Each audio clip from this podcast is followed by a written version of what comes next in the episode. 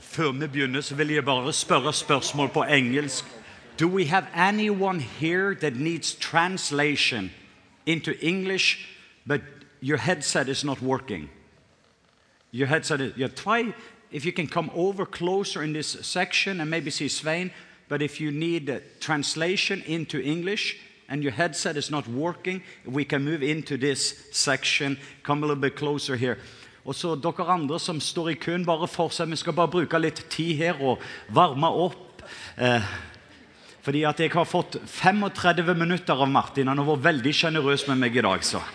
Så vi har veldig veldig god tid. Normalt så pleier han å gi meg 34 minutter, så det ble en oppgradering. Jeg må bare takke alle som eh, har vært med å gi, og de som fortsetter og den sjenerøsiteten som er over dette folket. Eh, det, det, er helt fantastisk, og det fikk vi oppleve i fjor. Når vi forlot denne plassen, så forlot vi velsigna. Og eh, en av de største gledene jeg har, det er egentlig å få lov til å være velsigna, slik at vi kan få være en velsignelse. Og meg og kona får ikke gleden av å være sammen med dere i kveld. Eh, vi skal på Sandnes en liten tur. Men jeg vil bare si at det har vært helt fantastisk, denne atmosfæren.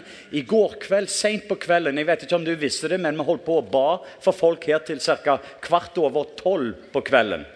Og da var en, Den ene personen han er gjerne til stede her nå. Jeg synes det var veldig, eh, det var dele, Jeg vet ikke detaljer, men, men i alle fall så Gud gjorde en del veldig spennende ting med en del både helbredelser og det, det er ting som kan være mirakler som skjedde i går kveld. Så vi er veldig takknemlige for det Gud gjør, og vi håper gjerne til og med i kveld at det kan være noe vitnesbyrd av noen av de tingene som Gud har gjort. Eh, noe av det som har ligget på mitt hjerte, som jeg gleder meg veldig over, det er egentlig jeg har studert livet til David. Vi har vært i en fase, vi har vært i en periode i livet der man har gått inn i en helt ny fase. Hvor mange, de, hvor mange, som er til stede her, både dere som står i kø Du er ikke lenger den personen som du var, men du har ennå ikke blitt den personen som du ønsker å bli. Bare vink til meg. Det er ca. 90 So you're no longer what you used to be, but you have not yet become what you're supposed to become. Det er egentlig litt vanskelig noen ganger når man lever i et spenningsfelt, men vet at det er noe mer. Men vi har ennå ikke fått opplevd det. Og kona og meg har hatt en periode sammen med vår stab og familie der i en treårsperiode så visste vi vi skulle flytte til Atlanta. Mens vi visste vi skulle flytte til Atlanta, så hadde vi fått et bilde der vi skulle bo. Men samtidig så bodde vi fremdeles i Alabama. Og det var forskjellige grunner at vi ikke kunne flytte. Så hvordan lever man egentlig i et spenningsfelt der man vet egentlig veldig klart at vi er kalt til å reise på én plass, men i løpet av de tre årsperioden hver eneste dag så bor du på en annen plass? Og Det er ikke det jeg skal tale om, men det har noe med det bildet som jeg ønsker skal være med og gi oss et språk. Litt av det som jeg ønsker. Og jeg gleder meg veldig over en del av de tingene som Erik Johnson òg delte når det gjaldt at eh, Betel-menigheten i Redding, California Det han sa, det er at de har holdt seg til stort sett én ting. De har fokusert på én ting, og så har de ikke blitt distrahert. Jeg husker så veldig mye når jeg bodde i Norge og var pastor i Norge, så hørte jeg det var ei bølge, og da hoppet vi på den bølga. Og I neste runde så var det ikke den bølga lenger, da var det en ny bølge. Og så sprang jeg for å være med fordi vi hadde en sånn hunger og tørst. Det som jeg, jeg, tror som skjer, som er så veldig bra, og det har jeg sagt offentlig her Jeg føler at denne menigheten er som en Betel-menighet her i Norge.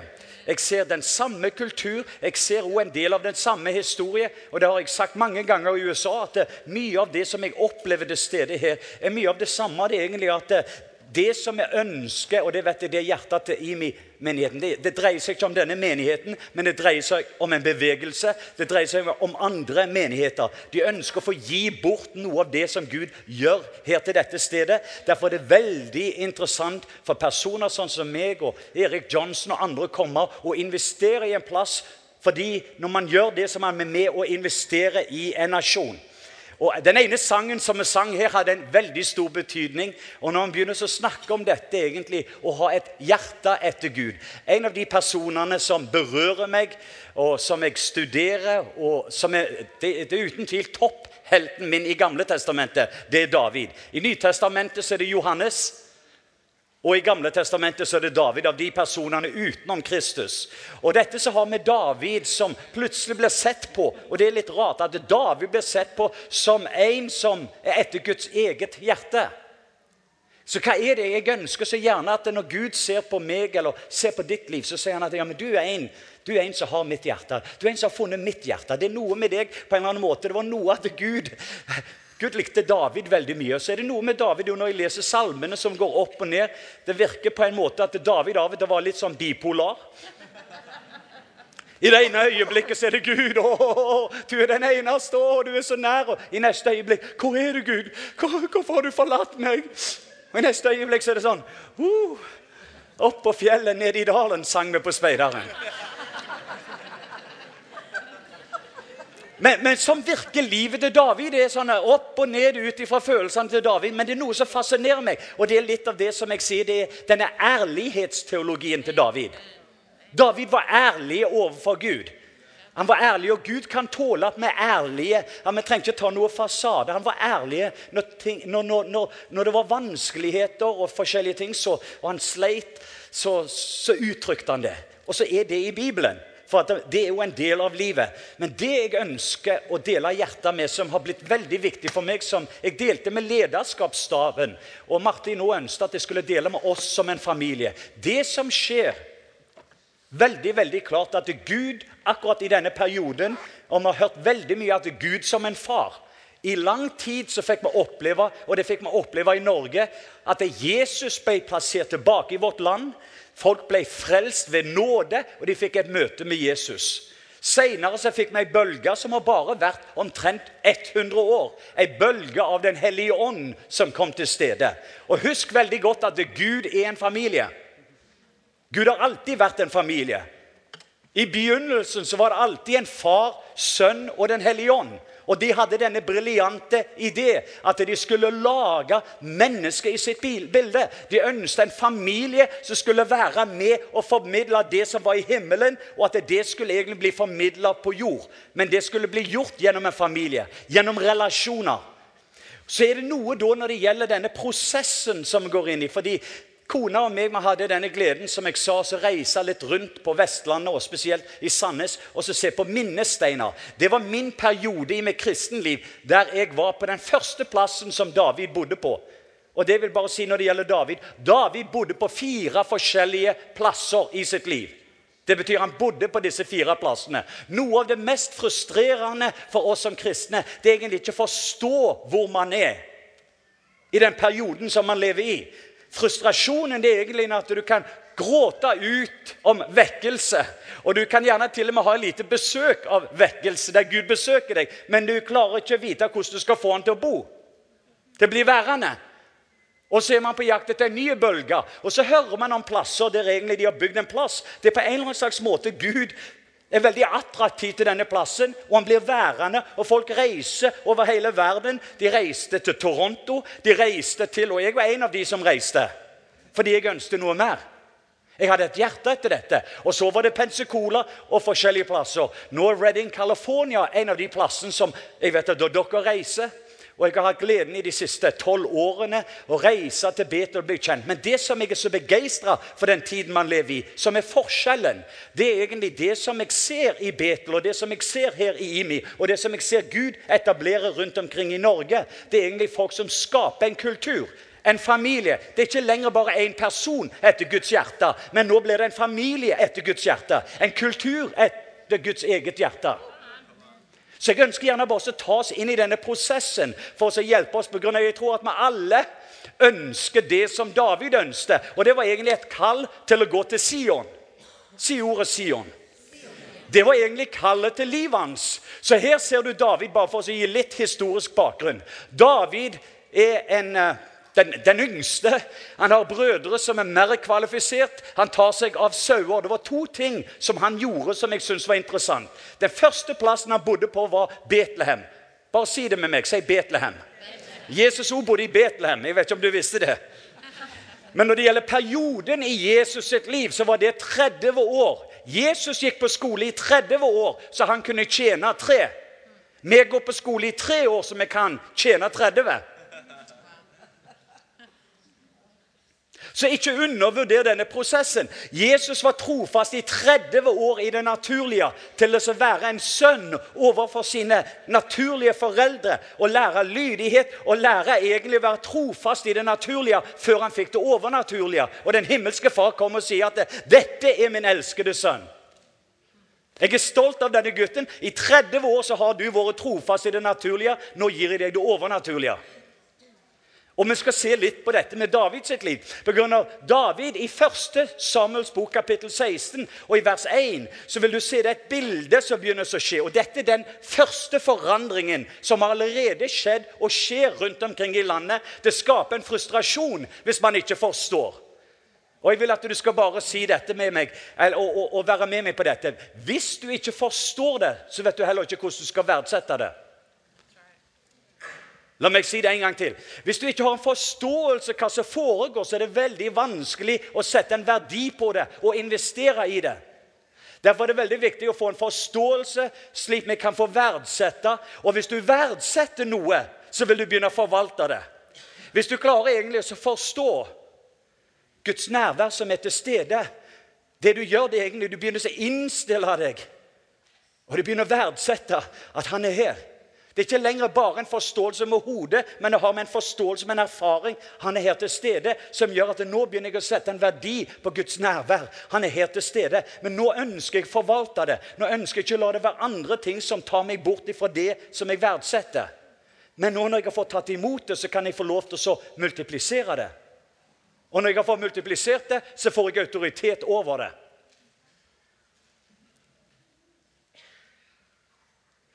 Dette har med denne prosessen med å lære med å forvalte det overnaturlige.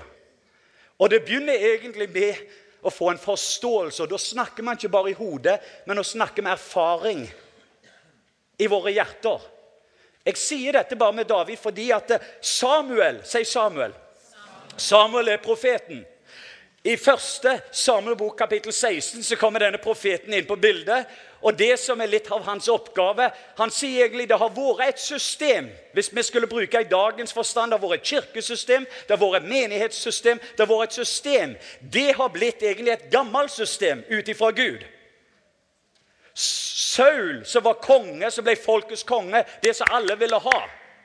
Det Plutselig sier Gud at det var ikke det som jeg ønsker. Så det som skjer, Samuel får en oppgave. Han er en dagens mann. Si dagens mann. Saul har blitt en gårsdagens mann. Si gårsdagens mann. Men David er en morgensdagens mann. Si morgensdagens mann. Så da snakker du om en fremtidig, noe som ennå ikke har skjedd. Men du hører profetien om det. Salvelsen kommer over det. Så Samuels oppgave er egentlig å si at det var det som var. Var veldig bra i den perioden. Saul har Er det, er det Saul han heter? Ja, jeg tror. Så Saul han har allerede hvis du sier kirkebyggene. Han han har, posisjonen. Det er han som skriver bladene. det er Han som har, han har alle disse tingene. Men Samuel kommer inn og så sier det egentlig at du har blitt en gårsdagens mann. Salvelsen har blitt tatt bort. Og så blir plutselig nå salvelsen lagt på en person. Og litt av mitt spørsmål, Hva er det egentlig med David som gjør at han er den som blir salva? Og han skal bli salva til å bli konge. Ikke bare konge over sitt eget liv. Det begynner, og det er begynnelsesfasen. Det er Betlehem. Si Betlehem. Det første er egentlig å bli konge over sitt eget liv. Lære å styre seg sjøl. Ordet Betlehem, og når det snakker om Betlehem, så er det være trofast i det naturlige. Jeg vil du skal si det med meg. Si trofast i det naturlige. Før vi får det overnaturlige i Guds prosess, så lærer man å være trofast i det naturlige. Hvis man ikke forstår dette, så begynner man å komme inn, og så begynner man en prosess i livet. Mens David var der ute som en hurde, tok vare på de vanlige tingene. Får, sauer. Han var der ute, han hadde ei harpe. Og med denne harpa som han hadde, litt av det Erik sa med hans instrument, så var ei harpe. Mens de andre gjerne holdt på med sine ting så var han der, og han var en elsker. Han var en tilbeder. Han var alene med Gud. Unggutt ute der med sauene. Det som han gjorde, som ingen andre så. Han sto der overfor Gud. 'Å, Gud, du er min Gud.' Og så kan jeg bare se at han bare begynner å peke opp. Og, og han fikk en sånn stor Gud mens han var der alene under ei åpen sky. Holdt på med harpa bare. Wow! He was a worshipper. Han var en tilbeder på innsida før han ble en kriger og en konge på utsida. Jeg vil at vi skal se dette det som setter seg opp for at hvorfor Gud velger å komme med denne olja som skal være med og salve han inn til noe i framtida, men så må han gå gjennom en prosess. Veldig viktig for den enkelte, veldig viktig for en menighet. For Hvis ikke så vil vi gå fra Betlehem til Sion og ikke forstå prosessen som er imellom. Vink til meg, og så smil hvis det er ok. Det som jeg ønsker å være med å formidle i formiddag, så her står David. Men det andre ting som David, det var to ting som er veldig viktige for hver enkelt av oss. Hver av oss har et forhold til Gud. Som jeg sier, in the secret places, når du er alene med Gud. Når det er bare du og han. At du bruker det du har, og du begynner og du bruker dette tilbedelse. Dette som har med nærhet, dette som har med intimitet. At autoriteten kommer ut ifra intimiteten. La meg si det en gang til. Den autoriteten man får, kommer ut ifra intimiteten som man har på innsida. Så David er det. Men det andre David har, han har ei slynge. Han har hvis jeg skal bruke et annet språk for det. Han har et verktøy, han har et redskap, men han har ei slynge. Og jeg kan tenke meg, Nå bruker jeg min fantasi, men han kan stå der i timevis. Og hvis den klokka var der, så hadde han bare øvd seg om igjen og om igjen. Han forstår gjerne ikke hvorfor han gjør det, det som jeg hørte med Erik. Han bomma gjerne mer ganger enn han traff, men over en lang periode tid så begynner han også å treffe den klokka. Så den ene gangen når det er en bjørn, den dagen det er ei løve Den ene tingen han vet, uansett hva som angriper pga. hans ansvar i det naturlige, det er far sin forretning. Og det egentlig passer på sauene. Og han er trofast i dette. Og det er to ting han har. Den ene er egentlig han har en stor Gud. Og det er det de folkene som har intimitet, de som er innenfor Guds nærvær, de som tilber Gud, de får en stor Gud. Så når du ser på omstendighetene, så blir de så mye mindre. Hvis du har først sett hvor stor han er. Han som styrer himmel og jord. Han som regjerer et univers. Det er min far. Han er en god far. Oh, it is this one thing I desire. Det er den ene ting jeg lengter etter. Jeg ønsker bare oh, å stå innenfor Guds nærvær. Jeg ønsker bare å høre hans røst. Jeg kan se David, og så holder han på og bare øve seg og øve seg. Og så kommer det en dag fordi at Gud setter opp alt det andre som skal til. Nå trenger han en salvelse. Men salvelsen skjedde mens han var i Betlehem. Si Betlehem. Han var trofast i det naturlige. Han gjorde det hans far ønsker med å ta seg av sauene og gjerne en del av disse tingene. Og for noen av oss i det praktiske Noen av dere har satt opp stoler til stede. Er du ikke begeistra for disse stolene vi har? Noen av dere har holdt på med lydanlegget og satt opp alt. Alt som du ser her. Det var folk som tok oss i hånda når vi kom inn på møtelokalet. Men du må ikke bare du må se dette som noe åndelig. Det er noe som Gud setter opp. Det var det David gjorde. Han var trofast på alle disse forskjellige naturlige måtene som gjorde at grunnen at salve kom hans vei. Salven, salvelsen kom mot han, hadde veldig mye mot hvordan han var trofast i det naturlige. Og så Senere, for å bruke bildet i Betlehem Si Betlehem. Mens han var naturlig i det, eh, unnskyld, mens han var trofast i det naturlige. I Betlehem det var da ordet var en utfordring. Og Husker du den utfordringen? Først, Den ene gangen så var det frykt som kom på Saul. Saul har posisjonen. Saul i ledelse i landet. Men alt det Gud trenger, det er egentlig en som har ei harpe. En som en elsker fordi at den perfekte kjærlighet tar bort frykt. Det var ikke bare det, Men Gud ville ikke la han komme foran Saul hvis ikke han kunne spille instrumentet. Så han først hadde ei tid der han lærte å spille seg instrumentet sitt, og der han lærte egentlig som en enkel person, og å trekke til seg Guds nærvær. Og så var det en lekkasje av det som han fikk oppleve med Gud. Den kjærligheten han fikk fra Gud, som begynte å ha en lekkasje inn i atmosfæren. Så når denne kongen sto der og kjente frykt og angst Gud setter frykten og angsten. Alt han trenger nå, det er bare én sånn som du og meg, som kan være med oss å løse det problemet. En som kan gi litt lekkasje av kjærlighet der det er frykt. Fordi den perfekte kjærlighet tar bort all frykt. Så dette er det som skjer i Betlehem. Dette har noe med den prosessen å gjøre. Mange menigheter er i Betlehem. Og de har aldri kommet seg forbi Betlehem. Mange enkeltmennesker i Betlehem de vet ikke at det er noe mer enn Betlehem. Og Det er gjerne litt av frustrasjonen. For hvis alt vi har hørt om det egentlig, og bare være trofast i det naturlige Hør godt dette. Det er veldig viktig og det er nødvendig i Guds rike. Jesus gjorde det. Daniel gjorde det, David gjorde det. Man må være trofast i det naturlige før Gud gir oss det overnaturlige. Det er andre som får en smaksprøve på det overnaturlige for at de skal gå tilbake til det naturlige. Men problemet med mange av de da som får en dynamittkraft Hvis ikke de har karakter, så blåser de seg sjøl opp, og familien opp, og menigheten opp, og alle andre rundt seg opp. Så det greske ordet for kraft har dynamis, som har med dynamitt. Og det er farlig å gi farløse folk som ikke elsker på innsida, dynamitter. Men så beveger vi seg inn.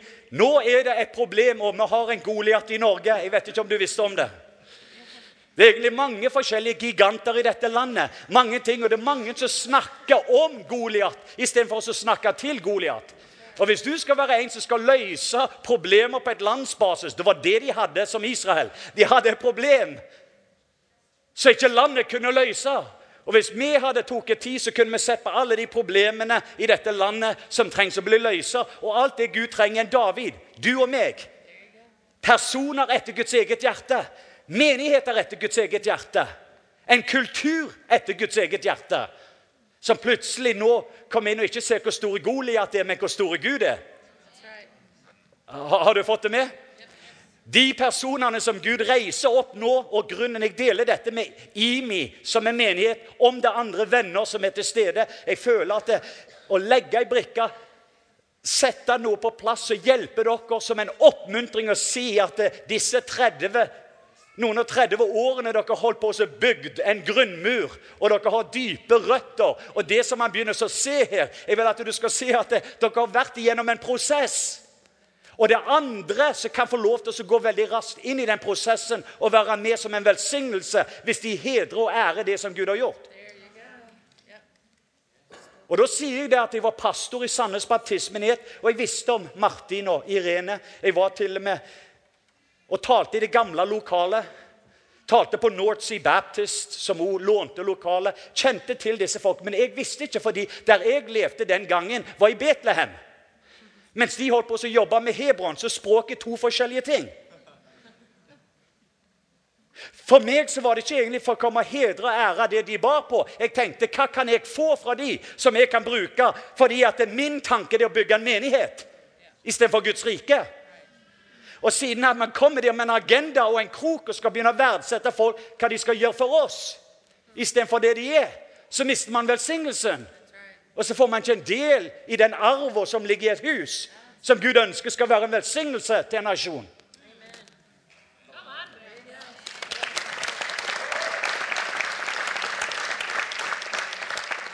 Vi kan historien om eh, Goliat, og jeg skal ikke bruke mye av det. Vi skriver ei bok nå som heter 'Ground Rules for Killing Giants'. Noen av disse, Det er ni grunnregler, men bare la meg gi deg noen regler. Hvis du har en Goliat, hvis du har en gigant i ditt liv, det første du må gjøre, det er egentlig som vi sier på engelsk show up. Du må først stille deg fram. Alle de som har løst problemer, de har først egentlig gjort seg tilgjengelige. Det andre er egentlig så må du show up for the right battle. Det er så mange kristne som kjemper feil kamper og feil kriger. Istedenfor å fokusere på det som er problemet, så holder vi på å løse alle disse andre problemene som ikke er et problem. Og så kan du bare fortsette.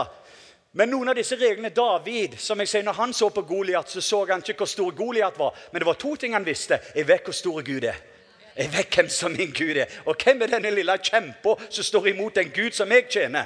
Jeg har en bjørn, jeg har en løve, jeg har en historie med Gud. som viser hans trofasthet. Jeg har minnesteiner som jeg bærer på hva Gud har gjort tidligere i mitt liv. Og den samme Gud som var med meg med løva, den samme som var med meg med bjørnen, den samme Gud. Men det andre som han hadde, som også er viktig, som vi hørte ut fra Erik sitt budskap Han hadde øvd på instrumentet. Det mener jeg egentlig, Hadde ikke han egentlig jobba med denne slynga og steinen, så hadde han ikke egentlig hatt tryggheten å stå foran. Fordi han visste av 100 ganger så kan jeg treffe klokka. Hvis jeg kan 100 ganger treffe det samme punktet, så kan jeg iallfall treffe den store pannen til denne store giganten. Så dette er barnemat. Men før jeg går inn i denne kampen, så vil jeg vite hva belønning skal de få, de som løser problemet. Så han var en god forretningsmann, David. Men det var Betlehem. Si Betlehem. Det neste bildet som David går inn i Nå husker vi historien. David vinner mot Goliat. Hele folket plutselig nå Wow! Si wow.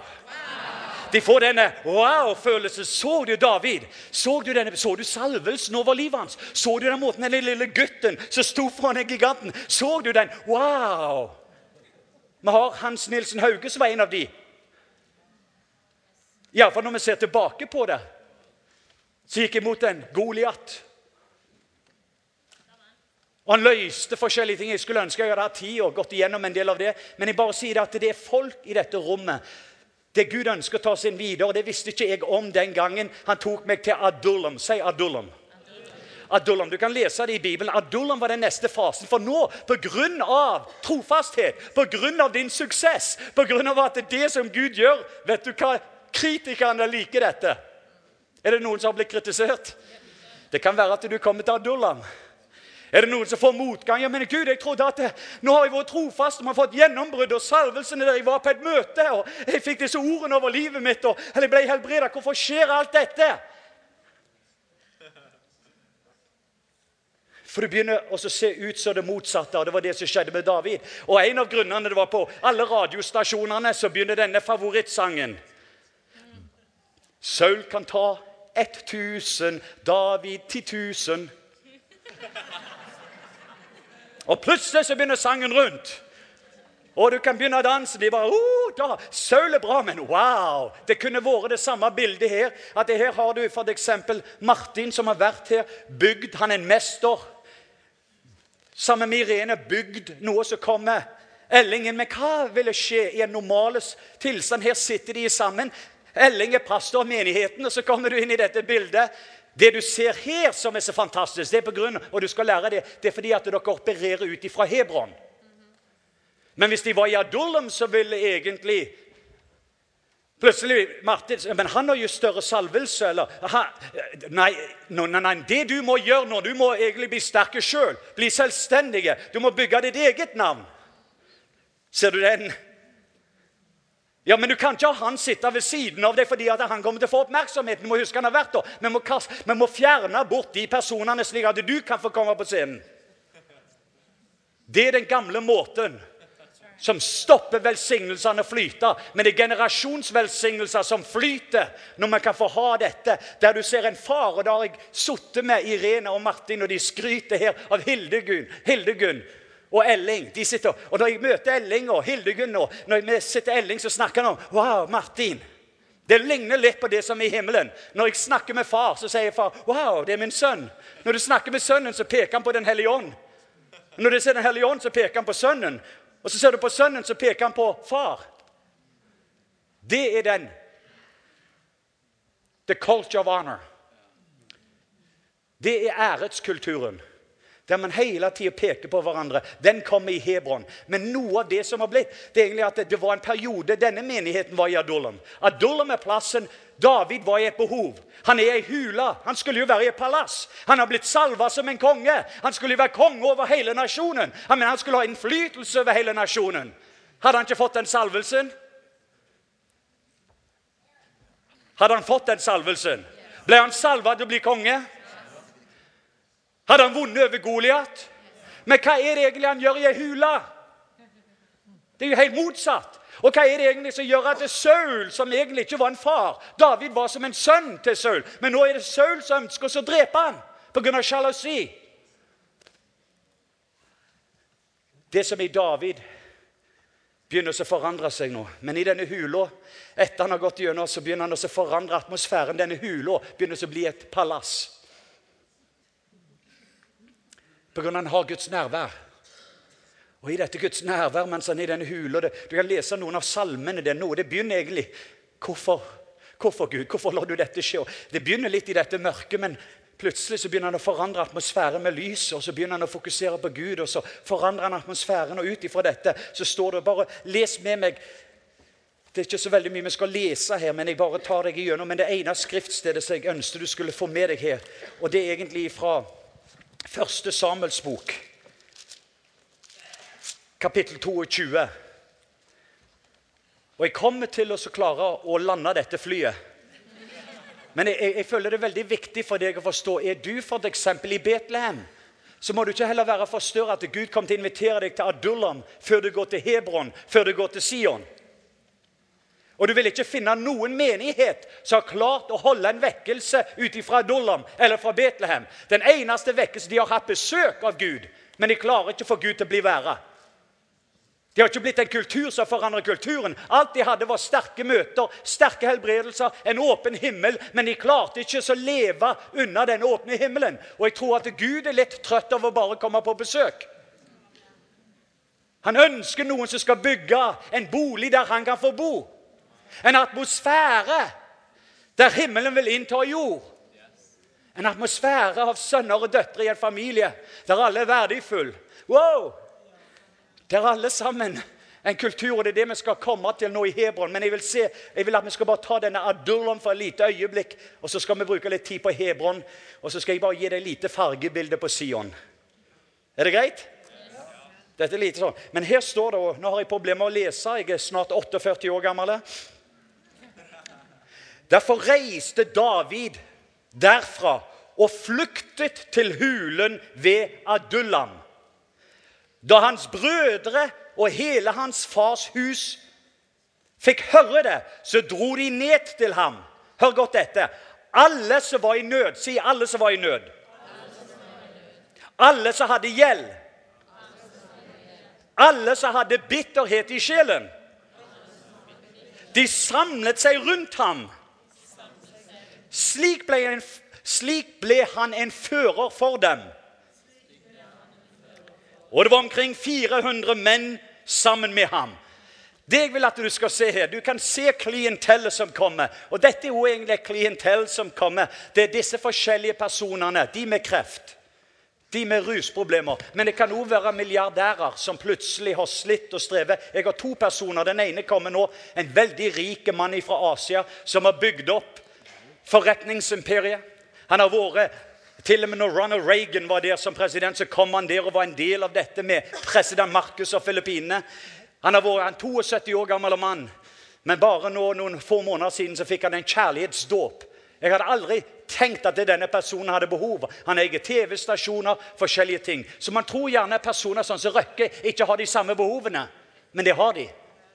Det er en lengsel som ligger i hjertet til hver eneste person å få komme hjem. Det ligger noe i hver eneste person som ønsker Guds nærhet. De ønsker Hebron, men når de ser på Adullam, stol nummer to Det er en fin plass. Man må lære Adullam. Men i Adullam så har du alle disse med behov. Du kommer her på møte fordi du har et behov. Et behov for, for å komme inn i Guds nærvær, og det er viktig. Hør godt etter, Det er ikke noe feil. Du kommer gjerne her fordi du trenger en berørelse.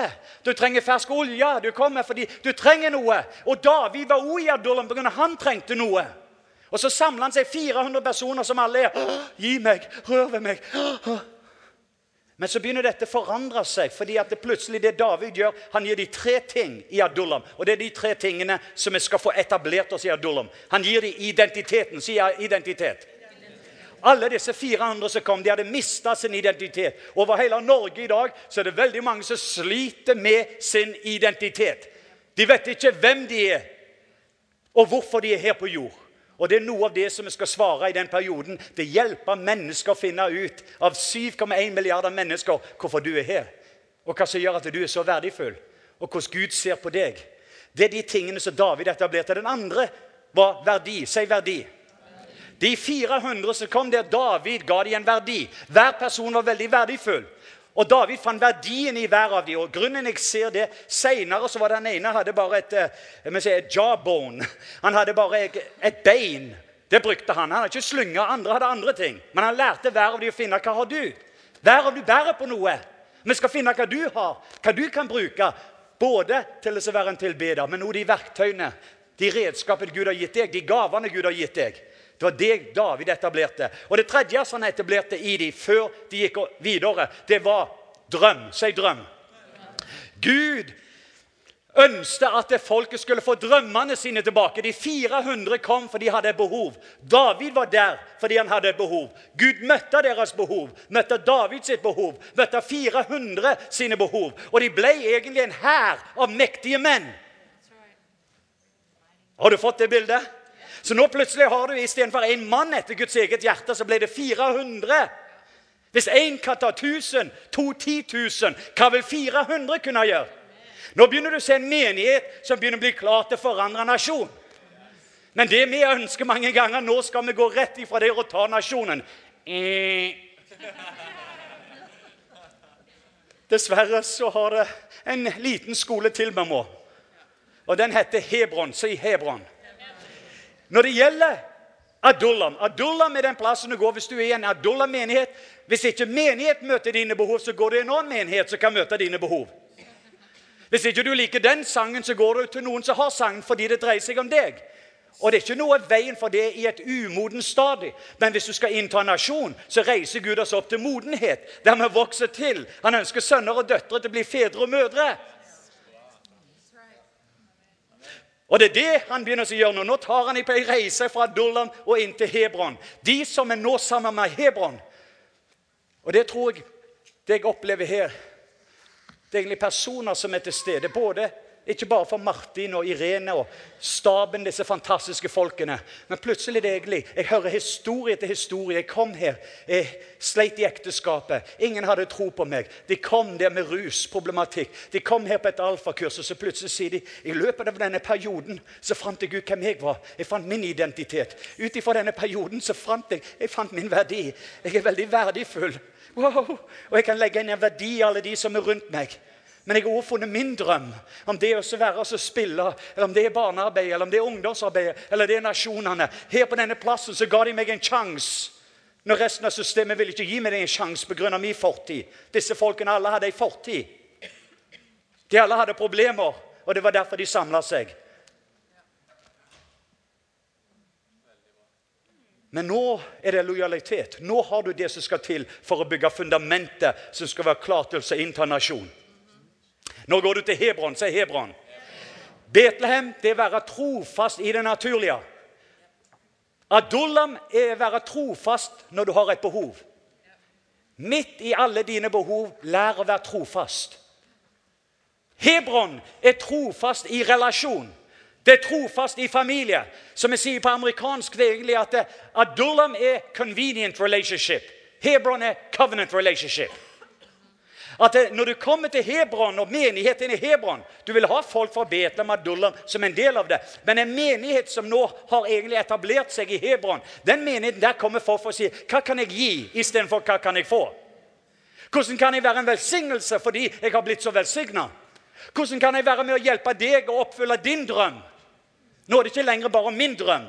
Nå er du plutselig på et lag sammen med andre folk, og du legger en verdi på alle de andre på laget. Kan du se bildet? Så Hebron var den tøffeste plassen. Der etablerte de en familiekultur. Og Gud trengte denne kulturen for å være med og forandre en nasjonal kultur. David var syv og et halvt år i Hebron. Og det dere gjør her i sammen Det første er egentlig bare å komme i Guds nærhet i sammen. For der, der blir vi ett.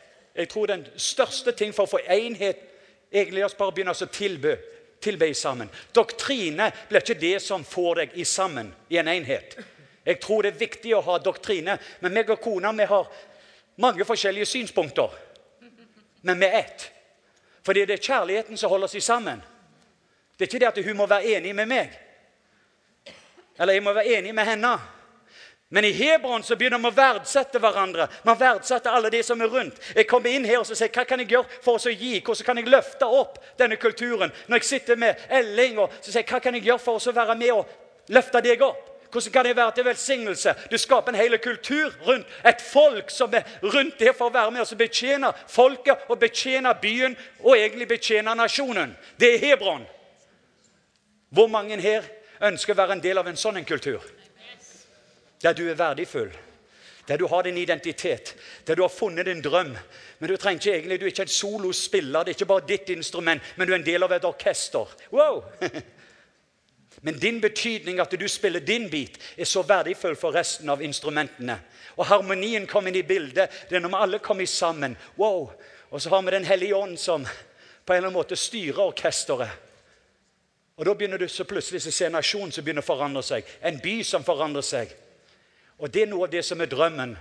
Jeg vet jeg drømmen. Alt jeg prøver, det er å gi et språkbruk. Dere har vært i Hebron. Syv og et halvt år var David i Hebron. Og så ble invitasjonen til å gå til Sion. Sion, det er det man har drømt om. Det var det Bill Johnson skrev boka. When heaven invades earth, når himmelen inntar jorda. Boka dreier seg om La oss drømme om Sion. Vi drømmer om en åpen himmel over vår nasjon. Vi drømmer om når When the kingdom of the Lord is becoming the kingdom of this world. Vi, vi drømmer om når det som er himmelen, kommer ned på jord som vi ba.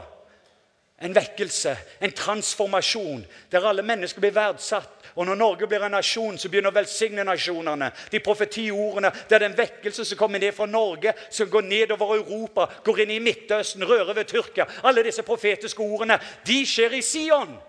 Men hvorfor skjer det ikke? Jo, fordi at Gud har oss i en prosess. Han reiser opp en person etter sitt eget hjerte. Og Så reiser han opp en familie etter sitt eget hjerte. Og så skaper han en kultur etter sitt eget hjerte, som har den samme kultur som i himmelen, som kan være med og forvalte dette. Og det er det som skjer rett foran øynene på oss. Og Derfor, når jeg er i Norge nå, så er jeg mer begeistra enn jeg noen gang har vært. Når jeg reiser rundt omkring i Norge på et blunk fordi at det, bare Når du har den kulturen på plass, så trenger du ikke være nervøs at ikke du får Sion. Det har vært Guds hjerte, og noen av oss har fått en smak på Sion. Vi har sett litt av Sion. Vi har drømt om Sion. Det blir ikke bare en Sion den dagen vi går til himmelen. Men Sion begynner å skje hver gang himmelen begynner å innta ditt liv. Innta din familie. Innta dine barn. Innta din menighet. Innta din bygd og by. Hver gang du begynner å se ting som i himmelen, så begynner det å bli manifestert her på jord. Jeg drømmer om Sion. Jeg drømmer om Norge som en nasjon over hele dette landet. Og Du trenger ikke tenke på det store store menighetsbygget og hvor mange man er. David hadde 400, så ble 600. Og ut av de 600 så tok det en nasjon. Og de forandra nasjon. Og hele nasjonen kom til de. Og forener seg. De sier, 'Du har noe som vi trenger.' Litt av det Erik sa. Hva er det? Du har noe, dere bærer på noe nå som vi trenger. Og de begynte å komme. Om det er Haugesund, du løser sosialproblemene. Og du kan jo hjelpe utdanningsproblemet. Vi har problemer med ungdommer, vi har problemer med samfunnet. Plutselig du begynner å løse de problemene som er. Og de ser det er en kultur som ærer. Løfter opp, ikke kritiserer. Og så skal du begynne å få se disse kjærlighetsbølgene og godhetsbølgene komme over vår nasjon. Og så begynner man å få se tegn og under og mirakler som vi aldri har sett før. Det er en drøm. Jeg er her for å meddele med deg. Jeg vet ikke hvor du er i din prosess, men la bare stå opp. Kan vi si ja? Er, er, er det noen her som er interesserte? Dette er et, vi sier et training for raining program. Dette er et trening for regjering-program. For å være med og ha en innflytelse på en nasjon. Hvordan man skal forandre nasjon. Kan ikke du bare løfte opp hendene dine? Noen av dere er gjerne i adull om du er trøtt og du er sliten. og det er helt greit. Jeg var der i over syv år. Og Det er ikke noe at du er noe mer negativt der. Jeg kunne ikke vært den jeg var i Hebron hvis man ikke hadde vært i Adullam. Og kona hun sier ja og ammen til det. Men hadde jeg ikke vært i Betlehem, trofast i ei trofast, så hadde man heller ikke fått en del av de andre tingene. Men der du er, så skal du få lov til å være med på ei reise sammen med et folk. Nå er det en familie etter Guds eget hjerte. Nå er det en kultur etter Guds eget hjerte. Nå er det et, wow, en familie som skal være med og velsigne familiene i Norge. Farløshetens ånd blir brutt i Jesu navn. Jeg takker deg at det er denne Wow! Barnekårets ånd. Så sier Abba, far. Pappa, far. Jeg takker deg for den familien. Jeg bare kjenner til i mitt hjerte nå at det er en lengsel. Det er en lengsel. Jeg vet de lengter etter de Haugesund. Wow, Jeg hører snakket. De sier vi ønsker Sion. Og Gud sier men jeg ønsker Hebron. For det vil etablere den kulturen som gjør at Sion kommer til å være. Jeg har besøkt dere i Adullam, og vi har mange besøk i Norge av Gud. Men Gud ønsker noe nytt. Si Gud ønsker noe nytt. Han ønsker en kultur. En himmelsk kultur. som vil forandre den norske kultur. For vi bare løfter opp ditt navn. Vi ønsker som David å bare være en sønn og ei datter etter ditt eget hjerte. Jeg takker deg for disse fantastiske, flotte prosessene. Og Ingen er for gamle og ingen er for unge, men alle kan få lov til å være med i disse prosessene. Men jeg takker deg òg for akselerasjon.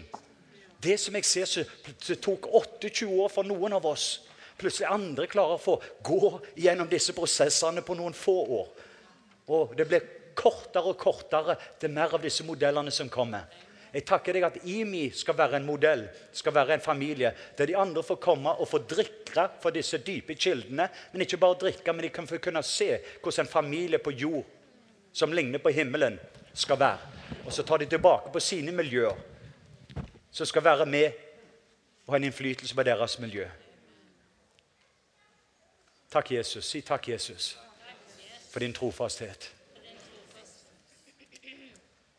Så jeg er verdifull. I Jesu navn. Jeg lander det. Amen.